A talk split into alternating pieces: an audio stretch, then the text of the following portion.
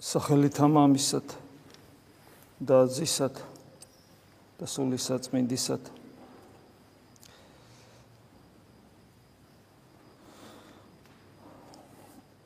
წმინდა წერილში არა არა ორაზროვნად არის გადმოცემული ჩვენი მდგომარეობა რომელიც ერთგვარად შეიძლება ითქვას რაღაც გროტესკულ სასაცილო მდგომარეობაში გვაყენებს ადამიანებს. როდესაც გონია რომ გვაქვს უნარი კეთილისა და ბოროტის გარჩევის. მართლა გვაქვს, მართლა გგონია ჩვენ ეს. რა თქმა უნდა, რაღაც ჩანასახის დონეზე ადამიანს ეს აქვს, იმიტომ რომ ადამიანის ღვთის ხატობა და მსგავსება არ გამქრალა ცოდვით დაცემის შემდგომ. მაგრამ სწორედ ცოდვით დაცემის ناყოფად შეიძლება ვიგულისხმოთ სიტყვები წმინდა წერილისა, როდესაც ღმერთი ამბობს ადამზე და ევაზე რომ აჰა ესენი ჩვენნაირები ჩემი სიტყვებით გადმოგცემთ ეს დაბადების მესამე თავია თუ არ ვწდები ჩვენნაირნი არიან. თითქოს ყოლა წმინდა სამება საუბრობს. გამრჩეველნი კეთილისა და ბოროტისა. და წმინდა მამები ამბობენ ხოლმე რომ აი აქ ამ სიტყვებში ერთგვარი საფრთხო ირონია დევს ჩვენნაირები გამრჩეველნი კეთილისა და ბოროტის ღმერთნი იქნებითო და აჰა გახდნენ ღმერთებივით კეთილს და ბოროტს არჩევენ. მაგრამ ეს კეთილისა და ბოროტის გარჩევა იმდენად დეგრადირებული და ამახინჯებული და მომაკვდინებელია. სულიერი თვალსაზრისით.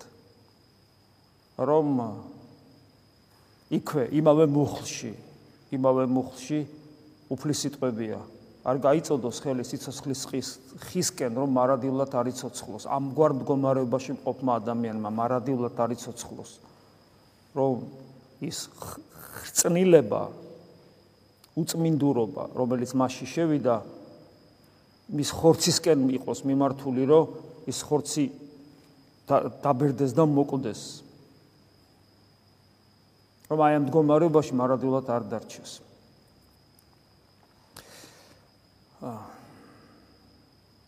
და ეს გარჩევის უნარი სიკეთისა და ბოროტების რა გოგონია რო გვაქვს კიდევ მეორე ჩვენ როგორც ღვთის ხადდამსგავს არსებას შეუძლებელია განჯის უნარი არ გქონდეს მაგრამ და ღვთის ხატობა რადგან შენარჩუნებულია რადგან სინდისი ღმერთმა დაგვიტოვა შესაბამისად რაღაც დოზით ეს ჩვენ გვაქვს, რა თქმა უნდა. მაგრამ სამწუხაროდ ცოდვა ძალიან ძლავრობს ჩვენზე. ძალზე ძლავრობს ჩვენზე და ეს უნარი სიკეთისა და გარჩევის უნარი ისე როგორც ყველა სხვა უნარები ადამიანისა. ადამიანს აქვს გამოყენებული საკუთარი ეგოიზმის საკუთარი თავის მაამებლობისათვის. ჩვენ ხო ვიცით რომ ის სამი ძირითადი ნება რომელიც ადამიანს ცოდვით დაცემის მერე აქვს ეს არის სიამეთ მოყარეობა, მომხოჭელობა და პატივმოყარეობა. და ყველაფერი მათ შორის სიკეთისა და გარჩევის უნარი ამ სამ ნებას ემსახურება. თორე რაღაცა დოზით ცხოველს კი განარჩევს სიკეთესა და ბოროტებას. ძაღლი არ განარჩევს, თუ მოეფერები ბუხარია და თუ გალახავ არ მოსწონს. იმიტომ რომ მისი ბუნება, ძაღლის ბუნება, ტკივილს გაურბის და სიამოვნებისკენ ილტვის. დაახლოებით ამას არ გავს ჩვენი კეთილისა და ბოროტის გარჩევის უნარი. ამაში არ ვიყენებთ განა, რომ სიამოვნებისკენ მივილტვით და ტკივილს გაურბივარ.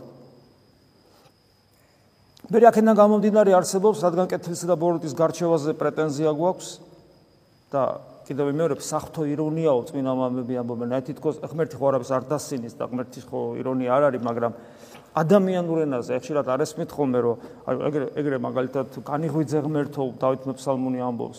ხო და ესე იგი ღმერთზე ხანდახან ამბობენ რომ თვალი აქვს გარდა მოიხედავს ხელი აქვს და პირი აქვს და ასე შემდეგ. ეს ყველაფერი არის და ბრისხანებს ან ესე იგი ისე ნანობს რომ ნანობს ბრისხანებს ანუ ადამიანური თვისებებით მსჯელობენ ღმერთზე იმიტომ რომ რაღაცნაირად ხო უნდა იმსჯელოს ადამიანმა და სხვანაირად შეუძლებელია ვერ ვჯელობთ სხვანაირად. და მას ქვია ანთროპომორფული ესე იგი ანთროპომორფული მსჯელობა საუბარი ღმერთზე, როდესაც ადამიანურ თვისებებს აწერ, არა იმიტომ რომ ასეს თვისებები აქვს, არამედ იმიტომ რომ სხვანაირად არ შეგვიძლია. ხო და აი აქაც ესია, საფრთხო იუმორი, ანუ თითქოს და დაცინის ობიექტი გავხდით. სინამდვილეში ამით ღმერთი კი არ დაგცინის, ღმერთს როგორ უყარს ადამიანი ჩვენთვის მოკვდა. უბრალოდ ამით ნაჩვენებია სულიწმინდის მიერ, რომელსაც მოსე გარდა მოცემს, რომ რა სასაცილო მდგომარეობაში აღმოჩნდა ადამიანი, როგორია მან იცის რა არის კეთილი და ბოროტი. და აქედან გამომდინარე, მე არსებობს უკვე ადამიანური სიმართლე. ადამიანური სიმართლე, რომელიც მილიონობით ადამიანს ჯოჯოხეთში უშვებს. მილიონობით ადამიანს სამყაროში. ადამიანური სიმართლე. მილიონობით ადამიან ჯოჯოხეთში უშვებს და დედამიწა ერთი თლიანი ტკივილი და ტრაგედია როა, ესეც ჩვენი სიმართლიდან გამომდინარეა. და სიმართლე რა სიმართლე, რომ ვიცი კეთილი და ბოროტი და აქედან გამომდინარე ეს არის მართალი, ეს არის ტყუილი. შენ რა თქმა უნდა სხვა რამეს ამბობ. ის სხვა რამეს და ასე შემდეგ. ეს ადამიანში იმდენად არის გამჯდარი რომ ადამიანი რომელიც თითქოს ღმერთთან არის იქაც კი პრობლემა აქვს აი ადამიანი აღსარებელი მაზიარებელი მლოცველი ასკეტი ქველმოქმედი უღალატო ეკლესიის ეკლესიის ერთგული და უღალატო ადამიანი აი ეს პრობლემა მას მაინც აქვს იმიტომ, იმიტომ აქვს კონფლიქტები გარშემოყოფ ადამიანებთან, იმიტომ განიკითხავს ადამიანებს, იმიტომ დასცილის ადამიანებს, იმიტომ რისხანებს და ასე შემდეგ. რა თქმა უნდა, რისხანებაც და თქვათ განსჯაც, განკითხვა განსჯა, ეს აუცილებელი უნარებია ჩვენში, მაგრამ ჩვენ ხო ვიცით, რომ რისხანებას ძირითადად სწორად არ ვიყენებთ. მაგალითად საკუთარი ცოდვის მიმართ არ ვიყენებთ, არამედ ხვის მიმართ ვიყენებთ. განჯის უნარს არასწორად ვიყენებთ, ვიყენებთ განკითხვისთვის, რომ ადამიანებს განაჩენი გამოუტანოთ ზებოდან დავხედოთ. სიყვარულს სწორად ვიყენებთ, სიყვარულის უნარს. ჩვენ შეგვიძლია საერთოდ სიყვარული? უანგარობა თუ შეგვიძლია? გულწრფელობის უნარი თუ გვაქვს, რომ ბოლომდე ალალნი ვიყოთ და არანაირი მზაკრობა ჩვენში არ იყოს თუ შეგვიძლია ეს? რა სულ მოკლელი არა ვართ? პატივმოყვარენი, ჩვენი რწმენა როგორი რწმენა, პატარა განსასწრელი და იმწამსო მთელი ხუხულავსავით გვემხობა თავზე ყოველას ყველაფერი თავზე. და აი დღესაც როცა ვკითხულობდით сахарებას, როცა უფალი ეუნება რომ ვის ვის შეუძლია რომ გაყვეს მას, მანამდე სანამ იტყვის უფალი რომ რომელს ანებავს შემოდგომა ჩემდანო, ვისაც სურს რომ მე გამომყვეს უარყოს თავითვისი გახსოვთ ეს ადგილი. მანამდე მანამდე მანამდე. ერთი მუხლით ადრია ეს. მანამდე პეტრეს ეუნება საოცარ სიტყვებს. პეტრე რომელიც ცდილობს ადამიანურად გამოხატოს სიყვარული უფლისადმი. საერთოდ პეტრე მოციქული ამ ხრივ ძალიან საინტერესო მოციქულია. პეტრე მოციქული მოციქულთა თავია. ერთ-ერთი თავარი ლიდერია მოციქულების შეიძლება ასე ითქვას. და უაღრესად მისაბაძი და პატივსაცემი ადამიანი თავისთავად ცხადია. მაგრამ პეტრეს სიდიადე კიდევ ერთ რამეშია. თუ რამე ადამიანური უძლურებანი და შეცდომები შეიძლება მორწმუნეს კონდეს, ყველაფერი გამოავლინა, აი თითქოს ღმერთმა დაუშვა და თან მე არ დაიმალა ესა და არც თვითონ არ მალავს, საოცარი ეს არც თვითონ არ მალავს და ესე იგი ჩვენთვის სამოძღვრებლად თავის ამ სისუსტეებს ადამიანურს აშკარად ავლენს. თითქოს თითქოს ახსარებას ამბობს 2000 წლის განმავლობაში პეტრეს სახარების საშუალებით, რომ აი ძმებოდადებო, მე აი ეს ესეთი ვარ. ნახე რებს ვაკეთებ. იმისათვის, იმისათვის, რომ ჩვენ არ გვეგონოს, რომ ჩვენ ასათები არა ვართ. ხო და აი ერთ-ერთი შეცდომა პეტრესი. კიდე მიმეორებ. პეტრეზე ეს აქცენტირებულად არის. იუდაზე ხო არ გვიკვირს? თუმცა იუდას ამბავი შემთხვევით არ არის დაწერილი. ჩვენში იუდაც მოიაზრება. მაგრამ ამ შემთხვევაში პეტრეა საინტერესო. პეტრე რომელიც თავარი მოციქულია ერთ-ერთი ხო? მოციქულთა თავია. და ჩავთვალოთ რომ პეტრე კიდევ ვიმეორებ. თავის ცოდებს წარმოაჩენს და სულიწმიდა ღმერთი აკეთებს ამას მაგრამ პეტრე არ ეწინააღმდეგება მარკოს מחარებელი პეტრეს მოწაფეა და ისიც აღწერს ამ ამ თემებს ისიც ეხება. ხო და ძალიან მნიშვნელოვანია ამიტომ ეს და მარკოზი პეტრეს კარნახი წერდა. პეტრეს გარეშე პეტრეს ლეგიტიმაცია ადევს მარკოზის სახარებას. ისე როგორც ლუკას სახარებას პავლე მოციქულისა. ხო და აქედან გამომდინარე კიდევ მეორე პეტრე ძალიან ბევრ ამას გვასწავლის. აი მაგალითად დღეს ესე იგი აი ამ უხლამდე სანამ როცა უფალი ამბობს რომ ვისაც უნდა რომ მე გამომყვეს მანამდე ნახეთ რას ამბობს. პეტრეს ეუბნება მიექცა პეტრეს ანუ მიუბრუნდა პეტრეს და უთხრა წარვეთ ჩემგან სატანა ანუ წინააღმდეგობის სულით ახსავსე რატო წინააღმდეგობის სული ეს ძალიან ცუდი რამეა. ეს მუდამ ხა ვინმე შეუძლია თქვას რომ წინააღმდეგობის სული არ არის მასში ვინმე შეუძლია თქვას და ზოგიერთ ადამიანში კატასტროფულად არის წინააღმდეგობის სული. აი აქ თქვენ ყოფებში, ხო ამ წუთში მაინდა-მაინც ახლა თქვენზე არ ვსაუბრობ. სამრელო, რატო არც თქვენ არც თქვენ გაკლიათ, მაგრამ სამრელოს გულისხმობ. ზოგ ზოგ ადამიანში კატასტროფულად მძვინვარებს წინააღმდეგობის სული. ეს არის ძალიან მძიმე მდგომარეობა, მე მინდა გითხრათ და ძალიან დამღუპელი სულის ხონებისათვის. ხო და აი პეტრეს ეუბნება რომ წარვე ჩემგან სატანა, ანუ წინააღმდეგობის სულით ახსავსებ. წადი ჩემგან. საცდური ხარ ჩემგან. ქრისტიანობა საცდური ხარ ჩემგან. წარმოგიდგენია? ეხლა თუ ქრისტეს ქრისტე ამბობს, გასაგებია ეხლა პეტრე ქრისტეს როგორ აცთუნებდა, მაგრამ როგორ გადაახვევინებდა იმ გზიდან, მაგრამ უფალი მაინც ესე ამბობს და ეს რას ნიშნავს, რომ წინააღმდეგობის სულით ახსავსე ადამიანი საცდურია გარშემო ყოფთათვის მაგალითად სამრევლოში რომ ადამიანი რომელსაც წინააღმდეგობის სულია გამოხატული აშკარად ის თელ სამრელოს აზიანებს. აზიანებს თელ სამრელოს. იმიტომ რომ მოწინააღმდეგე სულია. მოწინააღმდეგე სული დემონური სული, დემონური დემონური მდგომარეობა. ეშმაკი მას გამოიყენებს და ადრეს გითხარი, სულ რომ მართალი იყო ყველასთან, მაინც დესტრუქციული ხარ სამრელოში. ფრთხილად იყავით, ძალიან გთხოვთ, ყურადღება მიაქცეთ საკუთარ თავს. და აქ პეტრე ესე უნება რომ წარვე ჩემგან სატანა საცტურ ჩემდახარ რამე და რატომ არის საცტური და რატომ არის სატანა? ანუ მოწინა წინააღმდეგობის სულით ახსავსე. განმარტავს. და ხე უფალი საყუდულს კი არ ეუბნება უბრალოდ განუმარტავს. რამე თუ არაზრახავ ღვთისას არამედ კაცთას. აი რასაც ჩვენ საუბრობდით ამდენი ხანი. პეტრეს საკუთარი სიმართლეა ეს სიმართლე გენიალური და გადასარევი სიმართლეა. როგორ? მისთვის უსაყვარლესი ადამიანი მისი მოძღვარი რომელსაც რომელზეც გულმა დაუდასტურა რომ ცოცხალი ღმერთის ზეა. საუბრობს რომ მე უნდა მომკლანო კაც ტანჯანო მაფრთხონო და რა ვიცი. რა უნდა ეთქვა? რა უნდა ეთქვა? ხო უნდა ეთქვა ის რაც უთხრა არა კაც რა შეფი ეს ეს არ გააკეთო. რა მოიყოფინ უფალო არა უფალო. ხო სწორე მოიქცა სწორე მოიქცა. გეციმანის საიდუმლოსერობაზე ერთი თქვენგანი გამცემსო მეო. პეტრე, რა თქვია გაგცემს? ყველამ რო გაგცესო, მე როგორ გაგცემს? სწორედ თქო, სწორედ თქვა. მართლა ეგრე უყარს, მართლა ეგრე უყარს. რა დაემართა? წყალზე რო ნავში როზიან და უფალი წყალზე რო მოდის. გაინახა ახთოვან და უფალო მეც მოვალ მან. სწორე მოიქცა, სწორე მოიქცა, იმიტომ რომ წარმოიდგინე უფალი იქ არის და მე აბა სხვაგას არ უნდა წავიდე. რა დაემართა? ჩაიძირა, ჩაიძირა. საქმე მოციქულთაში. პეტრე რომელიც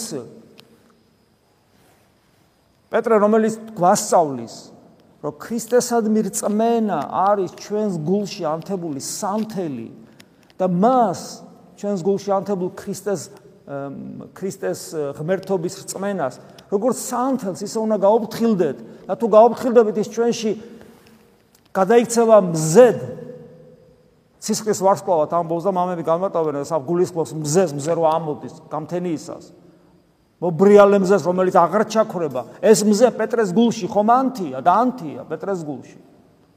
და პეტრე რომელიც გულში მზე ანთია რომელსაც ქრისტე ქვია პეტრე როდესაც იუდეველებიდან მოსული ქრისტიანები მოვლენ იჯდა რა ტრაპეზზე წარმართებიდან მოქცეულ ქრისტიანებთან, რომ დაინახა რომ იუდეველებიდან მოსული ქრისტიანები მოვიდნენ ადგა ფეხზე და აღარ დაჯდა წარმართული წარმართობიდან მოქცეული ქრისტიანების ქრისტიანებთან და პავლე მივიდა და ამხილა რასაკეთებ?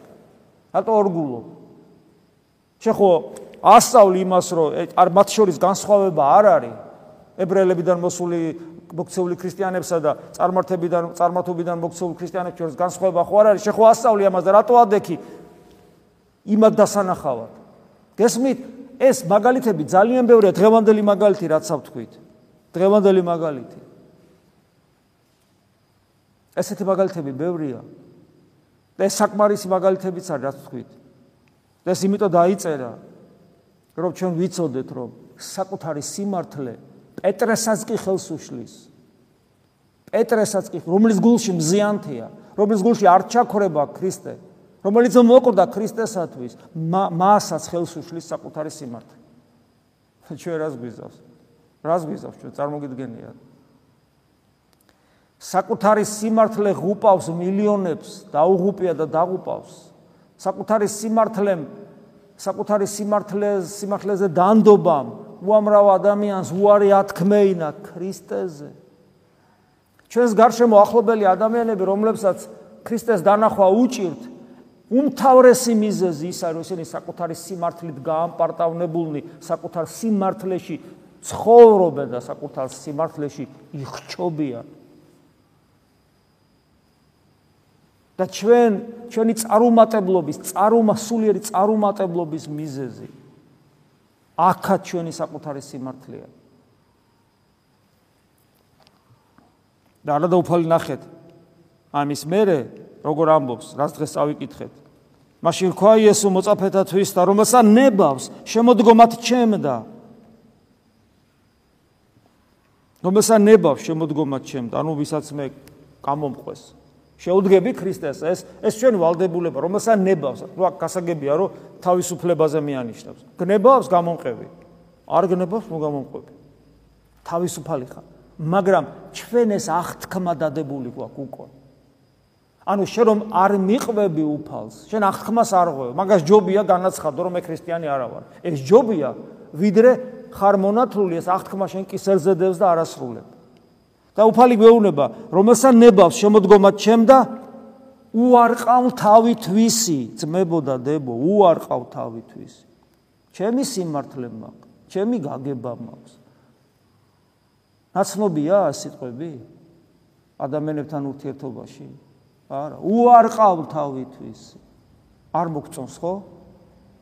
და თუ არ მოგწონს, გმირო ვაშკაცობა გამოვიჩინო და თქვათ რომ ეს არ მომწონს. იცი რა, ნუ რა არის ახლა ეს ვერ გავიგე. რა რთული რამეა, ეგ რა არ ჯობია სხვა რომელიმე მონოთეისტური რელიგიის მიმდევარი ვიყო? რატო? რატო და იმიტომ რომ მონოთეისტური რელიგიის მიმდევარნი მე რამდენჯერმე გითხარით ეს ბოლო პერიოდი. ამბობენ ესე რომ არის ღმერთი, რომელმაც ცნებები მოგცა. ცნებები შეასრულე რა. ხა ეცნა რა რა ცნებები იქნება ისეთი, ხო ადამიანს ნების ყოფით რებს აღარ ასრულებს, კაცო. და ასრულებენ ამ ცნებებს, ასრულებენ. იქ ლოცვა, იქ როცვის წესი, მარხვის წესი, თქვა ტაძარში მოქცევის წესები. შევასრულოთ ეს წესები და მორჩა, მორჩა, ღვთის მეგობარი ხარ და მორჩა, ცხონდები სამოთხეს დაიმკვიდრებ. ქრისტიანობაში ესე არ არის, არ არის ესე. ქრისტიანობა გეუბნება, რომ ქრისტე გეუბნება, თავად ღმერთი, რომ უარყავ თავით ვისი, თუ გინდა რომ მე გამომყო.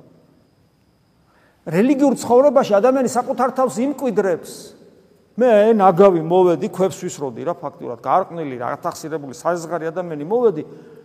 ღვთისნებები საოცარი ადამიანად შემქმნა, ჩამომაყალიბა, ჩამომქნა, კაც დავემსგავსე, ადამიანს დავემსგავსე, პატივსაცემი გავხდი ობიექტი ადამიანებისათვის, სუბიექტი ადამიანებისათვის. იმედი მომეცა მარადიული სიცოცხლის მიხარია, დავიხვეწე ყველანაირად. სად არის აქ ჩემი თავის უარყოფა? პირიქით, პირიქით, პირიქით. ჩემი ღირსება ერთიორად გაიზარდა, გესმით? უფალი გონება არა, არა. მოარყავ თავისთვის და გამომყევი. რა შენი სიმართლე, რა შენი პრინციპები? კი, რა თქმა უნდა, არსებობს მონობა და არსებობს მორჩილება. ჩვენ ვალდებულნი ვართ მორჩილები ვიყოთ ყველასი. და ვალდებულნი ვართ არავის მონა არ ვიყოთ. პავლე მოციქული პიტაპრო გეუბნება. ღმერთმა გაგანთავისუფლად ნუ იქნებით კაცთა მონა. გვიწერია, გვიწერია. მაგრამ მორჩილება, ვალდებულება ჩვენი სიმდაბლე მორჩილებაში ვლინდება. ეხლა კითხვა, როგორ გავარჩიო მორჩილება მონობისაგან? თითქმის ვერავინ ვერ არჩევს ამას. და ამიტომ ადამიანების პრობლემა ქრისტიანებს გულისხმობ ეხლა მე. სწორედ ერთ-ერთი პრობლემა ეს არის. ადამიანს ევალება მორჩილება მოყვასის მიმართ და მონობა გონია ეს ადამიანს.